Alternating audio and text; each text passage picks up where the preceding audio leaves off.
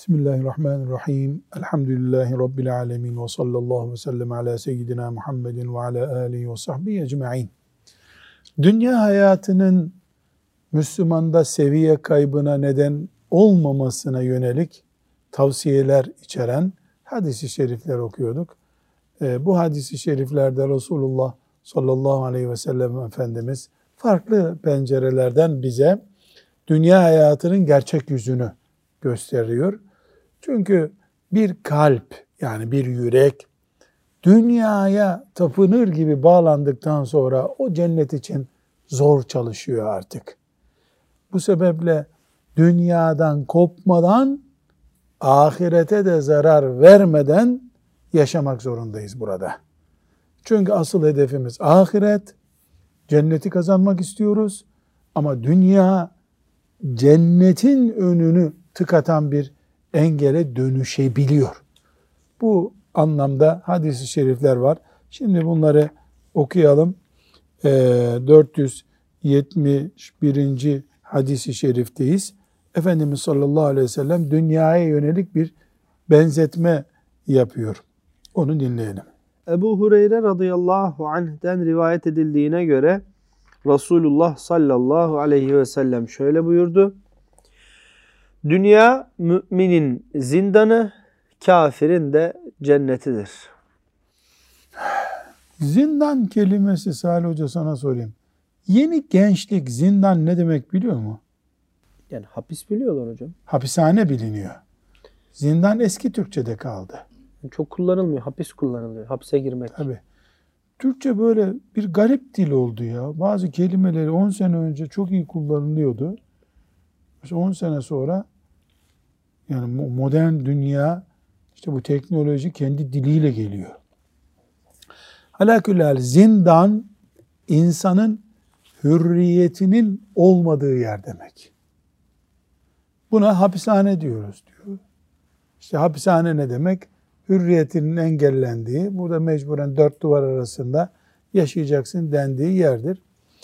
Ee, bu hadisi şerif dünya müminin zindanıdır.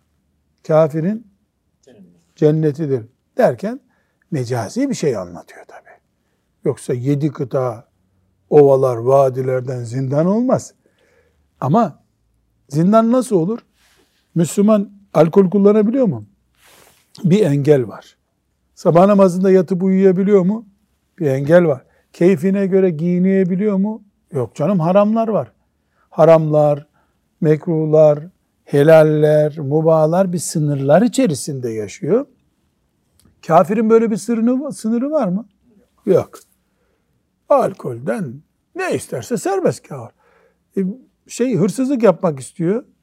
O nereyi istiyorsa onunla ilgili beceriyor, bir kanun çıkartıyor. İsviçre'de her şey serbest. Yan ülkede yasak. Kafir için her şey serbest.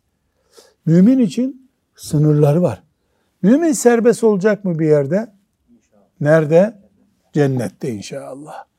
Onun için mecazen bakıldığında mümin sanki hapiste gibidir. Kafir de burada cennetteki gibidir. Ne olacak ama sonra? Tam tersi olacak. Yani altlar üst, üstler alt, alt olacak bir gün. İnşallah o gün cennette olanlardan oluruz. Demek ki böyle bir misal vererek Efendimiz sallallahu aleyhi ve sellem Daralma sen. Bunun böyle bil ama öbür tarafa hazır ol demek istiyor. Yani dünya sevgisini putlaştırmaya gerek yok. Seni eritir. Kafir cennete girmeyeceği için dünyadaki nasibini tüketiyor kafir diye kabul ediyoruz. Öbür hadis-i şerife geçelim. Çok mühim 472. hadis-i şerifte çok mühim nasihatler var. Evet. İbn Ömer radıyallahu anhuma şöyle Kim, dedi. İbn Ömer kimdir? Ömer radıyallahu anh'ın Ömer oğlu. radıyallahu anh'ın oğlu Abdullah. Abdullah İbni Ömer. Resulullah sallallahu aleyhi ve sellem benim iki omzumu tuttu ve iki omuzunu nasıl tuttu? Eliyle böyle iki omuzuna tuttu. Mübarek yüzüne bakarak. Dünyada sanki bir garip veya bir yolcu gibi ol buyurdu. Ya Allah ne güzel bir nasihat. İbn Ömer radıyallahu anhuma şöyle derdi. Akşama ulaştığında sabahı gözetme, sabaha kavuştuğunda da akşamı bekleme. Sağlıklı anlarında hastalık zamanın için, hayatın boyunca da ölümün için tedbir al. Ya Allah bu mübarek sözleri bir daha okumak lazım. Resulullah sallallahu aleyhi ve sellem Dünyada sanki bir garip veya bir yolcu gibi ol buyurdu. İbn Ömer de radıyallahu anhuma bunun üzerine şöyle derdi. Akşama ulaştığında sabahı gözetme. Sabaha kavuştuğunda da akşamı bekleme. Sağlıklı anlarında hastalık zamanın için, hayatın boyunca da ölümün için tedbir al. Demek ki bu mübarek hadisi şerif yani şöyle güzel büyük bir levhaya yazılıp insanların oturma odalarına yazılması lazım bunun. Muhteşem bir söz. Hem Efendimizin sözü nur damlıyor hem de onu ne iyi anlamış İbn Ömer. İbn Ömer'in sözü radıyallahu anhuma sanki onu tefsir ediyor gibi değil mi Talha Hoca'ya? Böyle bir şerh yapıyor gibi söylüyor. Yani Müslüman mısın? Fırsatları değerlendireceksin kardeşim. Bugünün yarını yok. Uzun hayallere dalıp durma ya. Sen bu dünyanın garibisin. Asıl diyarın cennet senin. Sağlığın bir fırsat. Onu değerlendir. Bu hayat olduğu gibi fırsat. Onu değerlendir. Yarını yok bunun. Yarını var zanneden aldanıyor. Bir yolcu ya sen burada işte tren bekliyor. Havaalanında sen uçağa bindin. Kalkış için pilot hazırlıklarını yapıyor. İki dakika sonra bu havaalanında değilsin sen. Hayat ondan da kısa gerçi. Yani hayat gene pilotun beş dakika bekleyeceği belli orada. Ama hayat ondan da kısa. Bu mübarek hadisi şerif dört büyük öğüt veriyor. Birincisi bu bunları not etmekte fayda var. Vaktinin kıymetini bil ve vakit harcatacak insanlarla oturup kalkma. Bu kadar kolay. Vaktinin kıymetini bileceksin. Vakit zayi eden bir arkadaşın olmayacak. Bu birinci nasihat. İkinci nasihati bu hadisi şerifin özet olarak bu hadis dış olarak bir cisim vermiyor insana. Yani al şunu tut demiyor. Git şurada namaz kıl demiyor. Bir anlayış tavsiye ediyor. Yolcu gibi ol diyor. Garip gibi ol diyor. Dolayısıyla ikinci olarak anlıyoruz ki kalbini koruman gerekiyor. Maneviyatını koruman gerekiyor. Eğer sen maneviyatını korumazsan dalarsın. Birinci de vaktini koru dedi. Vaktini koru, korumana engel olacaklardan uzak dur dedi. İkinci de iç dünyanı koru ve bu korumayı engelleyecek olan arkadaşın olmasın. Üçüncü nasihatı iyi bir mümin asıl vatanı için hasretle yanar. Hedef cennettir. Cennetten başka hedefi olmaz müminin. Yaptığı işlerde de bu hedefe gerçekten kilitlendiğini işaret eder. Hem cennet hedefi var hem de namaz kılmaya vakit bulamıyor. Paradan, puldan, arkadaştan. E böyle, bu yalan bir hedef. Böyle değil. Dördüncüsü bütün bunlar bu üç hedef. Neydi üç hedef? Vaktini koru, kalbini koru, asıl hedefin olan cenneti unutma, vatanın orası senin. Bunların hepsinin göstergesi senin Allah'a olan aşkındır. Namaz kılarken Rabbinin huzurunda olduğun zevki anlıyorsun. Kur'an okurken gözün yaşarıyor. Rabbimi dinliyorum diyorsun. Subhanallah, elhamdülillah, Allahu Ekber derken dilinden değil de damarlarından ses çıkıyor gibi oluyor. Allah'a olan şevkin, hasretin ve sevdan hayat görüntün olsun. Bu dört şeyi sağladığı zaman mümin, işte İbni Ömer'in e, anlattığı şerhe gelmiş oluyor.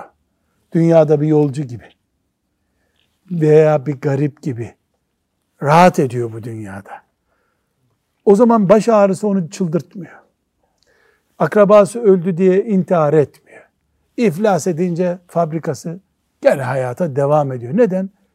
Ee, cennete gidiyoruz biz burada bunlar zaten meşgul ediyordu beni düşünüyor.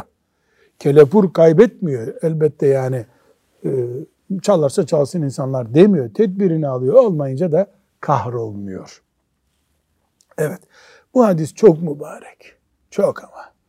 Bu hadisi şerifi artık ne edip edip böyle evimizin duvarına yazıp çocuklarımıza parola olarak öğretip ailece mesela ne kadar yapılır bilmiyorum. Şimdi gençler var. Yanlış da yönlendirmeyelim. Yani eş adayına gidip böyle bir hayat için yaşamak istiyorum ve buna da yoldaş arıyorum. Evlenir misin benimle? Desek bilmiyorum gerçi ne kadar sonra tuttururuz bu hedefi. Üzerine de iki tane şahit koyarız. Bu hedefin standartlarını aşmayacağız diye. Bu, bu insana mobilyaları yok diye kavga gürültü olur mu evde? Bu insanlar 6 aydır pirzola yemedik diye tartışırlar mı? Tala Hoca ne diyorsun? Yani bu sebeple tartışmazlar. Böyle bir anlaşma yaparlarsa en başta. Ne der? E sen cemaate geç gitmeye başladın. Sünnetleri kılmıyorsun der eşi herhalde. Evet hocam. Ne mutlu o kavgaya. Öyle eşten Allah razı olsun. Allah ondan razı olsun. O da ne der? Ya siz bu kadınlarla toplantıları çok yapıyorsunuz. Bazen de gıybet ettiğinize dair bilgi geliyor bana. Dikkat edin. Kul hakkı bu. Der. Ondan intikam almak için değil tabi Allah rızası için. Yani bu aile kurarken parola olacak bir hadisi şerif. Rabbim e, bize de bütün mümin kardeşlerimize de bu şekilde yaşamayı kolay kılsın. 472. hadis-i şerifti bu hadisi şerif. Bir sonraki hadis-i şerife geçelim. Ebul Abbas Sehl ibn Sa'd Es-Sa'idi radıyallahu anh'ın söylediğine göre Peygamber sallallahu aleyhi ve Sallallahu aleyhi ve selleme sellem. bir adam geldi ve Ya Resulallah bana yaptığım zaman hem Allah'ın hem de insanların beni seveceği bir iş söyle dedi. Şimdi soruyor adam? Ben bir iş yapayım. Hem Allah sevsin beni hem insanlar sevsin. Arzusu ne bu sahabenin? Herkes tarafından sevilmek. Yani hem manevi hem maddi yönü olan insanlar da sevsin, Allah da sevsin bir iş yapayım ben. Ne kadar güzel bir soru ama. Ne muhteşem bir soru. Evet. Bunun üzerine Resul-i Ekrem sallallahu aleyhi ve sellem şöyle buyurdu. Dünya ve dünyalıklardan yüz çevir, Allah seni sevsin. Halkın elinde olandan yüz çevir, insanlar seni sevsin. Şimdi insanların parası var. Bahçesi var. Sen onlardan istemedin mi severler seni. E, Allah da seni bu dünyadan e, minnet etmeyen, dünyaya taviz vermeyen biri olmanı istiyor. Dolayısıyla maddiyata takılı kalmadın mı seni Allah da sever, kulları da sever. Çok mübarek bir hadisi şerif. Çok ama. Bu mübarek hadisi şerifi okuyunca aklıma şu geldi. Demek ki ashab-ı kiramın içinde böyle sivri düşünceleri olan farklı şeyler düşünen sahabiler de var. İşte Ebu Zer radıyallahu anh'a bakıyorsun bir değişik soru soruyor. Huzeyfe radıyallahu anh'a bakıyorsun fitnelerden soruyor. Ömer'e bakıyorsun yaramazlık yapanları arayıp duruyor. E bu sahabeye bakıyorsun ortayı bulacak kestirme bir yol istiyor. Allah hepsinden razı olsun. Bu sahabinin aradığı şey aslında bizim için de çok şey. Yani ben yaptığım işte hem insanlar sevsin beni hem Allah sevsin. Herhalde bu e, Ali radıyallahu anh sorsa bunu nasıl sorardı? İkinci şıkkı olmazdı bunun. Yani insanlar sevse de olur sevmese de Allah beni sevsin yeter derdi herhalde. Ama Efendimiz sallallahu aleyhi ve sellem o o büyük yürek sahibi hepsinin peygamberiydi. Hepsinin peygamberiydi. Talha Hoca, hocalık da böyle bir şey. Sen şimdi ehli tarıksın. Allah mübarek etsin. Camide vaaz ederken ya da talebelerinin hepsini elinde tesbihli göremezsin. E peygamberin bak her türlü insan barındırıyordu. Kelime-i tevhid anahtar olacak. Onu açan içeri girecek. Birinin sorusu o, birisinin bu, öbürünün zekası bu, bir başkasının zekası öbür türlü. Hepsini idare etmek gerekiyor. Sen sendeki güzelliği, tarikattaki feyz gördüğün, bereket gördüğün şeyi anlatacaksın. Bir kısmının işine yarayacak o. Bir kısmının yaramayacak. Salih Hoca'nın e, sert sözleri bir kısmının işine yarayacak. Ondan da gelecek bir kısmı benim sözlerimden etkilenecek. Öbürü gelecek Hasan Hoca'nın işte böyle narin bir dede gibi nasihatinden etkilenecek. Ama biz toplumumuzun, Müslüman toplumumuzun tek çiçek olmadığını, çok farklı çiçekler bahçesi olduğunu anlamazsak çok çiçek zayiatı yaparız. Çok çiçek zayiatı yaparız. Evet. Bir sonraki hadisi şerifi okuyalım. Numan İbni Beşir radıyallahu anhuma Radıyallahu şöyle dedi. Ömer İbni Hattab radıyallahu anh insanların dünyalıklardan elde ettiklerinden bahsetti ve ben Resulullah sallallahu aleyhi ve sellemin gün boyu açlıktan kıvranıp karnını doyuracak adi hurma bile bulamadığını gördüm dedi. Bu son paragrafı bir daha oku Hafız Salih. Ne diyor Ömer radıyallahu anh? Ben Resulullah sallallahu aleyhi ve sellemin gün boyu açlıktan kıvranıp karnını doyuracak adi hurma bile bulamadığını gördüm. Bu hadisi açıklamıyoruz. Burada hadis açıklamak için oturduk ama bu hadisi açıklamaya gerek yok. Yani insanın ağzında cümle toplanması zor. Peygamber sallallahu aleyhi ve sellem gün boyu görmüş. Adi bir hurma yani öyle herkesin yemeyeceği kadar adi bir hurma bile ağzından geçmediği gün olmuş. Her yer hurma bahçesi. Onun için bu, bu, bu hadisi açıklamayalım. Bir sonraki hadis-i şerife geçin.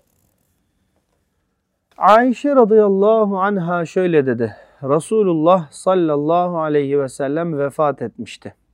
O sırada benim evimin rafında bir parça arpadan başka bir canlının yiyeceği hiçbir şey yoktu. Ya Rab bir de bu, bunu buna şimdi bakalım. Yani Ayşe anamız evinin rafı var tabii değil mi?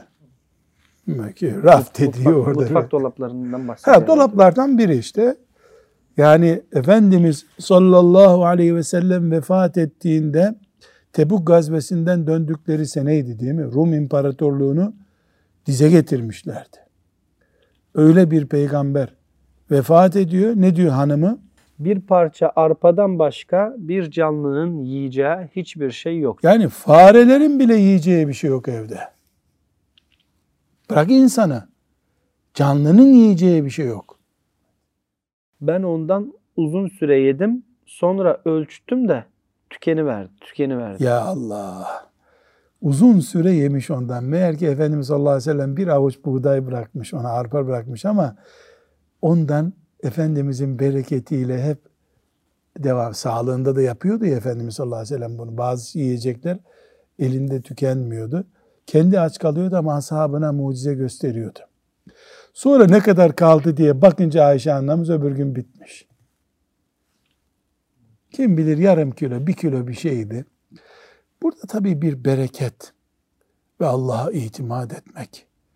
Peygamberden kalan bana yeter düşünmek. Beni yaratan Rabbim aç bırakmaz düşünmek. Bu hissiyat var. Fakat Salih bunu bir daha oku buna da açıklama yapmayacağız.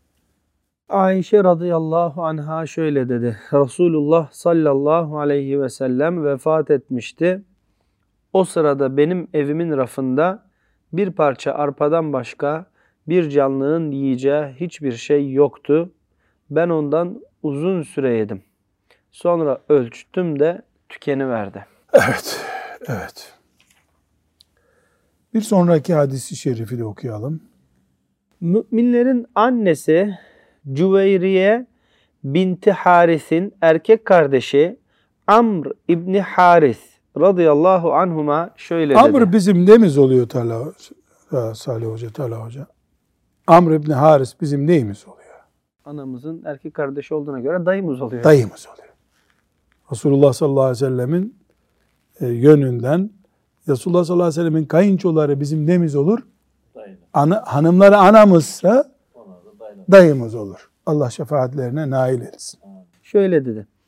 Resulullah sallallahu aleyhi ve sellem vefat ettiğinde geride bindiği beyaz katırı, Bir, katır. Silahı, Silah ne ediyoruz? Kılıç. o oku var mızrağı. Yolcular için vakfettiği arazi dışında Nerede bu arazi? Hayber'de. Hayber'deki. Yolculara sadaka olarak vakfe. O da yani bitmiş onun değil. Evet. Bunun dışında ne altın, ne gümüş, ne köle, ne cariye ve ne de başka bir şey bıraktı. Kainatın efendisi ama bir şey bırakmadı. Ne bıraktı? Kur'an bıraktı. Büyük bir siret bıraktı. Cennet ahlakı bıraktı. Şeriat bıraktı. Bir katırı vardı. Katır da şimdi de at gibi değerli bir hayvan değil. O zaman da öyleydi. Bir at bile bırakmadı yani. Devesi de yoktu. Sallallahu aleyhi ve sellem. Evet öbür hadis-i şerife geçelim. Habbab İbni Eret radıyallahu anh şöyle dedi. Habbab'ı nereden hatırlıyoruz? Hatırlamamız gerekiyor. İlk Müslümanların eza gören Mekke'deki eziyet, Mekke'de eziyet çeken, sırtında demirler dağlattırılan bir sahabi. Allah ondan razı. Yani işkence yaraları ölünceye kadar sırtında ve göğsünde duran bir zat. Şimdi ne anlatıyor bir bakalım. Biz Allah Teala'nın hoşnutluğunu kazanmayı arzu ederek Resulullah sallallahu, Sallallahu aleyhi ve sellemle birlikte Medine'ye hicret ettik. Allah'ın ecrimizi vereceği kesinleşti. Bizden bazıları ecrinden hiçbir şey yemeden vefat etti. Allah. Onlardan biri de Mus'ab bin Umeyr radıyallahu anh'tır. O Uhud günü şehit edilmişti. Arkada yünden yapılmış çizgili bir kaftan bıraktı. Kaftan ne ediyoruz? Cübbe gibi giyilen. O kaftanla başını örttüğümüzde ayakları açılıyor, ayaklarını örttüğümüzde de başı açıkta kalıyordu. Neticede Resulullah sallallahu aleyhi ve sellem başını örtmemizi, ayaklarına da bir miktar Mekke ayrığı koymamızı emretti. Nedir Mekke ayrı? Ot.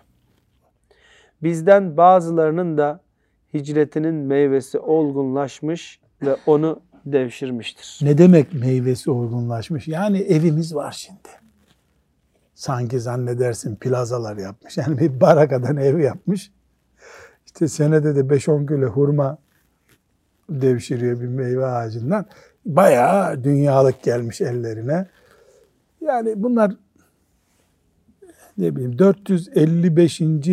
hadisi şerifte geniş buna temas etmiştik. Şerh olarak oraya tekrar dönülebilir ama ya büyük olunca insan Salih Hoca insan böyle azametlik düşününce biz Habbab İbni Eret'i ya Allah cennette böyle nehirlerde yıkanırken şimdi hayal ediyoruz. Büyük kafa olunca e, Musab kazandı biz kaybettik diyor. Niye kaybetti? Hicret ettik Medine'ye.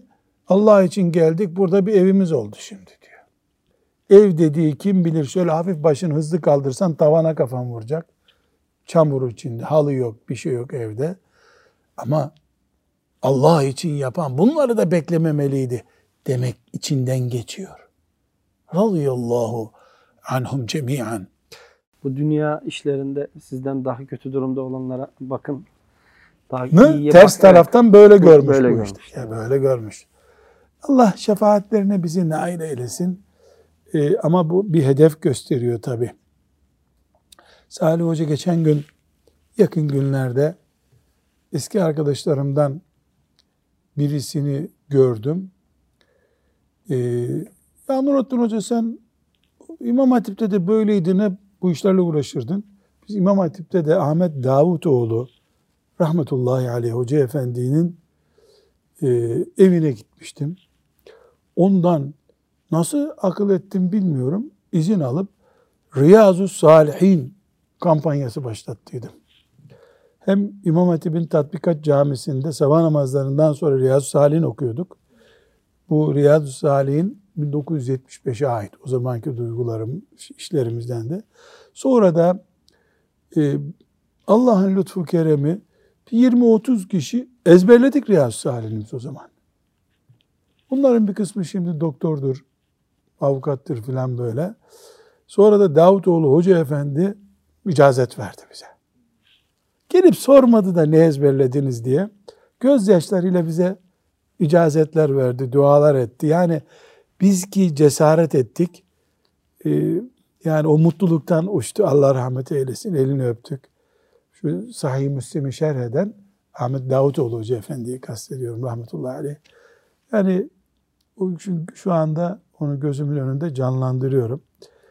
Ee, o zaman da Riyazu Salihin e, okurken e, bakıyorduk da yani bu hadisi şerifler bu şekilde tabii aklımızda kalmıyordu. Yani bu manada okumuyorduk zaten. Riyazu Salihini muteber bir kitap olarak okuyorduk biz sadece. E, fakat e, o günkü o arkadaşlarımdan daha sonra işte normal hayata gidip şimdi siyasetle uğraşan bir arkadaş. Murat Hoca sen o zaman da bu işlerle uğraşıyordun. Gene hala sen Riyad-ı Salih'in okuyorsun. Bazen televizyonda görüyorum seni filan dedi. Yanlış mı yapıyorum dedim. Böyle bir es yani farklı bir çapraz soru sorarak yanlış değil ama dedi. Her şeyin bir zamanı var dedi.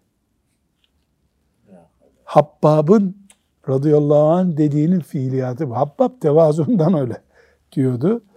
Yani o gençken olur işler manasında söylüyor. Ben söylenmesi gereken söyledim. Yani sözümü sakınmadım.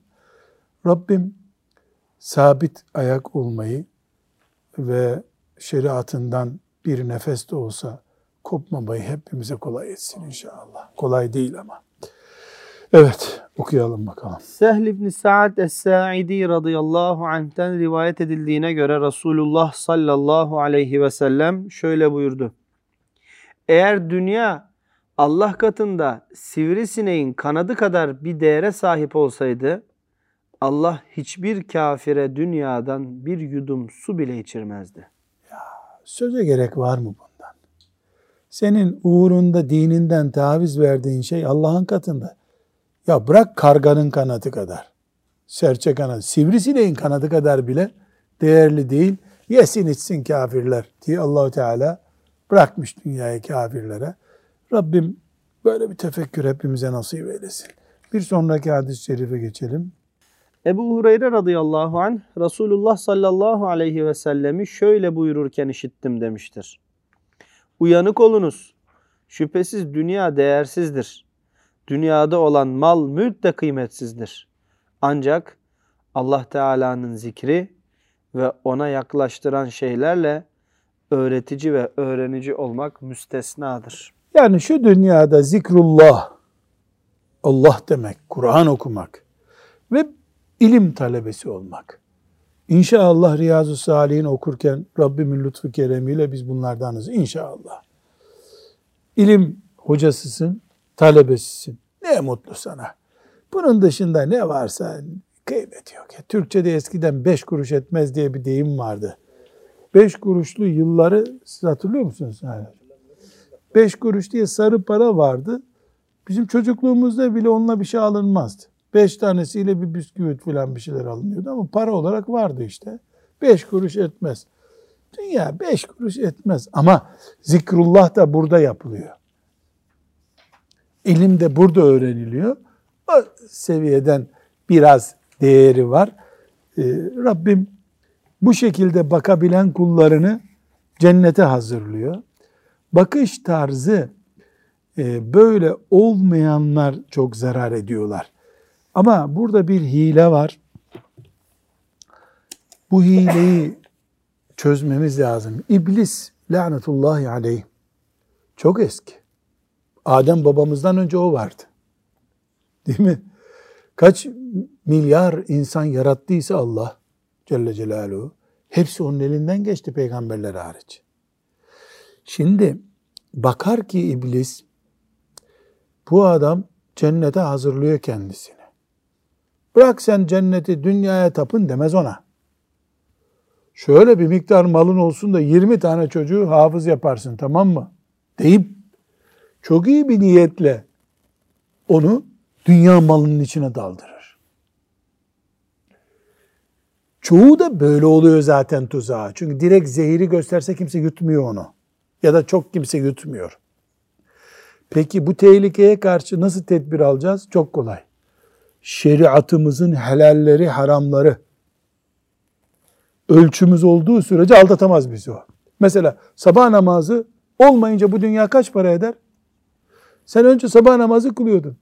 E şimdi bu Allah için girdiğin işte sabah namazı eksi, azalmaya başladı. Yanlış yoldasın. Gidiyorsun sen. İbre kötü gösteriyor şu an. Eskiden şüpheli şeyleri bile mutfağına sokmuyordun. Şimdi açık haramlar bile okeylenmiş mutfakta e, dolaplarda dolu. E demek ki sen yanlış yoldasın. İşte gazlı içecekleri içmediğin zamanlar vardı. Şimdi neredeyse bir aya izin vereceksin. Eskiden kadın eli tutmak haramdır diyordun. Şimdi yan yana fotoğraf veriyorsun. E, şimdi ne kadar niyetin iyi desen de senin kontrolün başkasının elinde. O başkası da kim? İblis.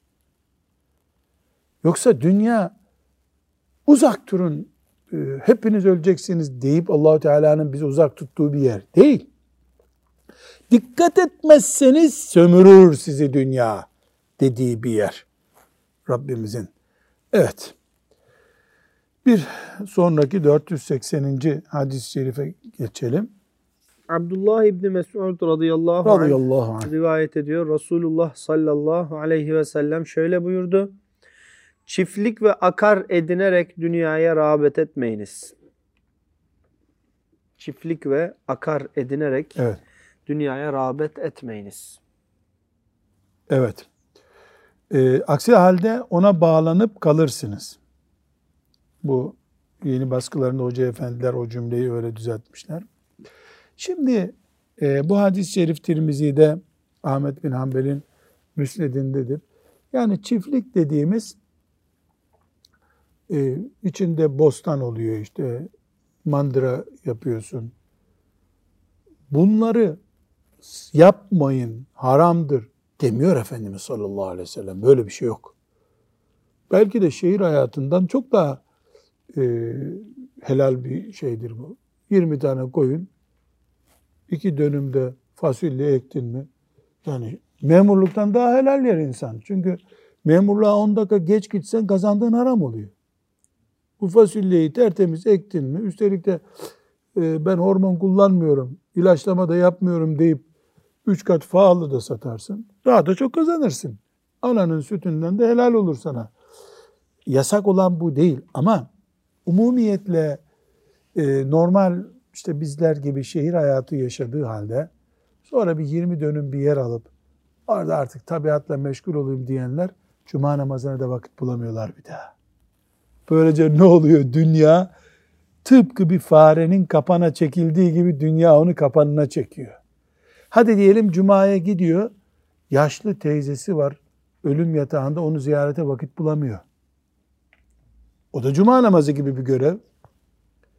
Babasına, anasına ilgilenmiyor. Ona yabancı ülkelerden bir hizmetçi tutuyor. Sen ilgilen annemle diyor. Parasını veriyor.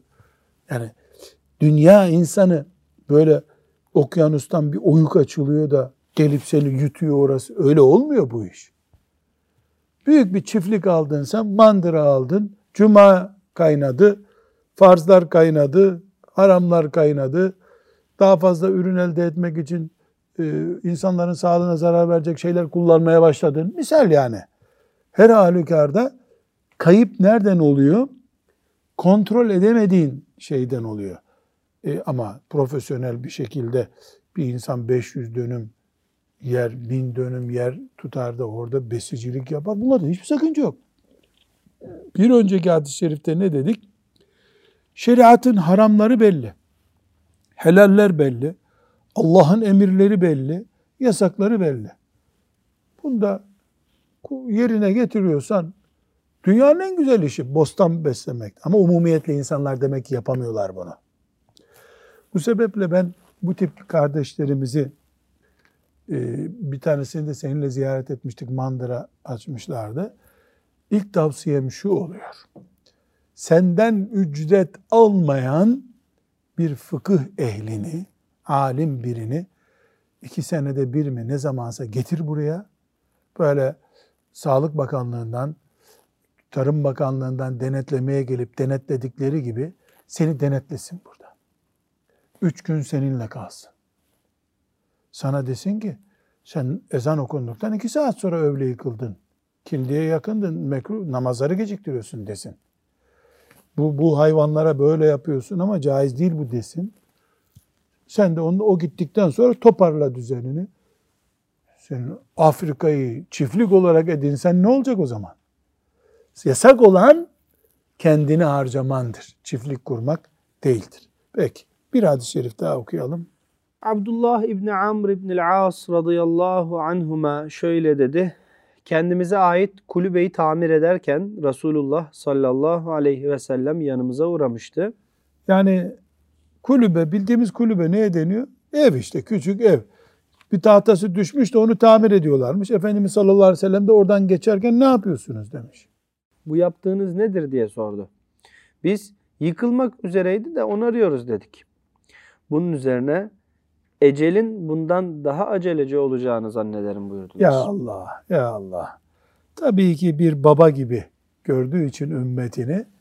Yani bir evin önündeki baraka yıkılıyor. Onu, işte onu tamir ediyorlar. Ne yapıyorsunuz diyor. Barakayı tamir ediyoruz ya Resulullah diyorlar. Ecel daha da hızlı. Yani bu yıkılacak ama ecel bundan da hızlı yıkılır. Yani tamir etmeyin evinizi demek istemiyor. Ama bu arada ölümü de unutmayasınız ha diye baba nasihati, bir büyük nasihati yapıyor. Ee, insana yasak olan şey ahireti unutturan iştir. Ölümü unutturan iştir. Kul hakkı yemeye sebep olan iştir. Zulmetmeye sebep olan iştir. Zulmetmiyorsan, kul hakkı yoksa, Allah'ın emirleri ihmal edilmiyorsa her sokağa bir kulübe yapabilirsin. Ama devletin arazisine yapıp da e, devletin kaldırımına, vatandaşların, insanların yürüyeceği kaldırıma kendine bir tezgah kurup da insanların yürüyüşünü engellersen zulüm olur. E, helal kazandım zannederken ahiretine zarar verirsin. Kul hakkı olur. Bu sebeple Efendimiz sallallahu aleyhi ve sellem nazik bir şekilde tamam evinizi yapın, barakanızı tamir edin ama ecelin bundan önce sizi çökerteceğini de unutmayın buyuruyor sallallahu aleyhi ve sellem. Ne dedik bu hadis şeriflerin bölümünü zikrederken? Dünya hayatının bizi kullanmaması gerektiğini anlatmak için sallallahu aleyhi ve sellem Efendimiz bu nasihatlerini yapıyor. İnşallah istifade eden kullarından oluruz Allah'ın lütfu, keremiyle. Ve sallallahu ve sellem ala seyyidina Muhammedin ve ala alihi ve sahbihi ecma'in velhamdülillahi rabbil alemin.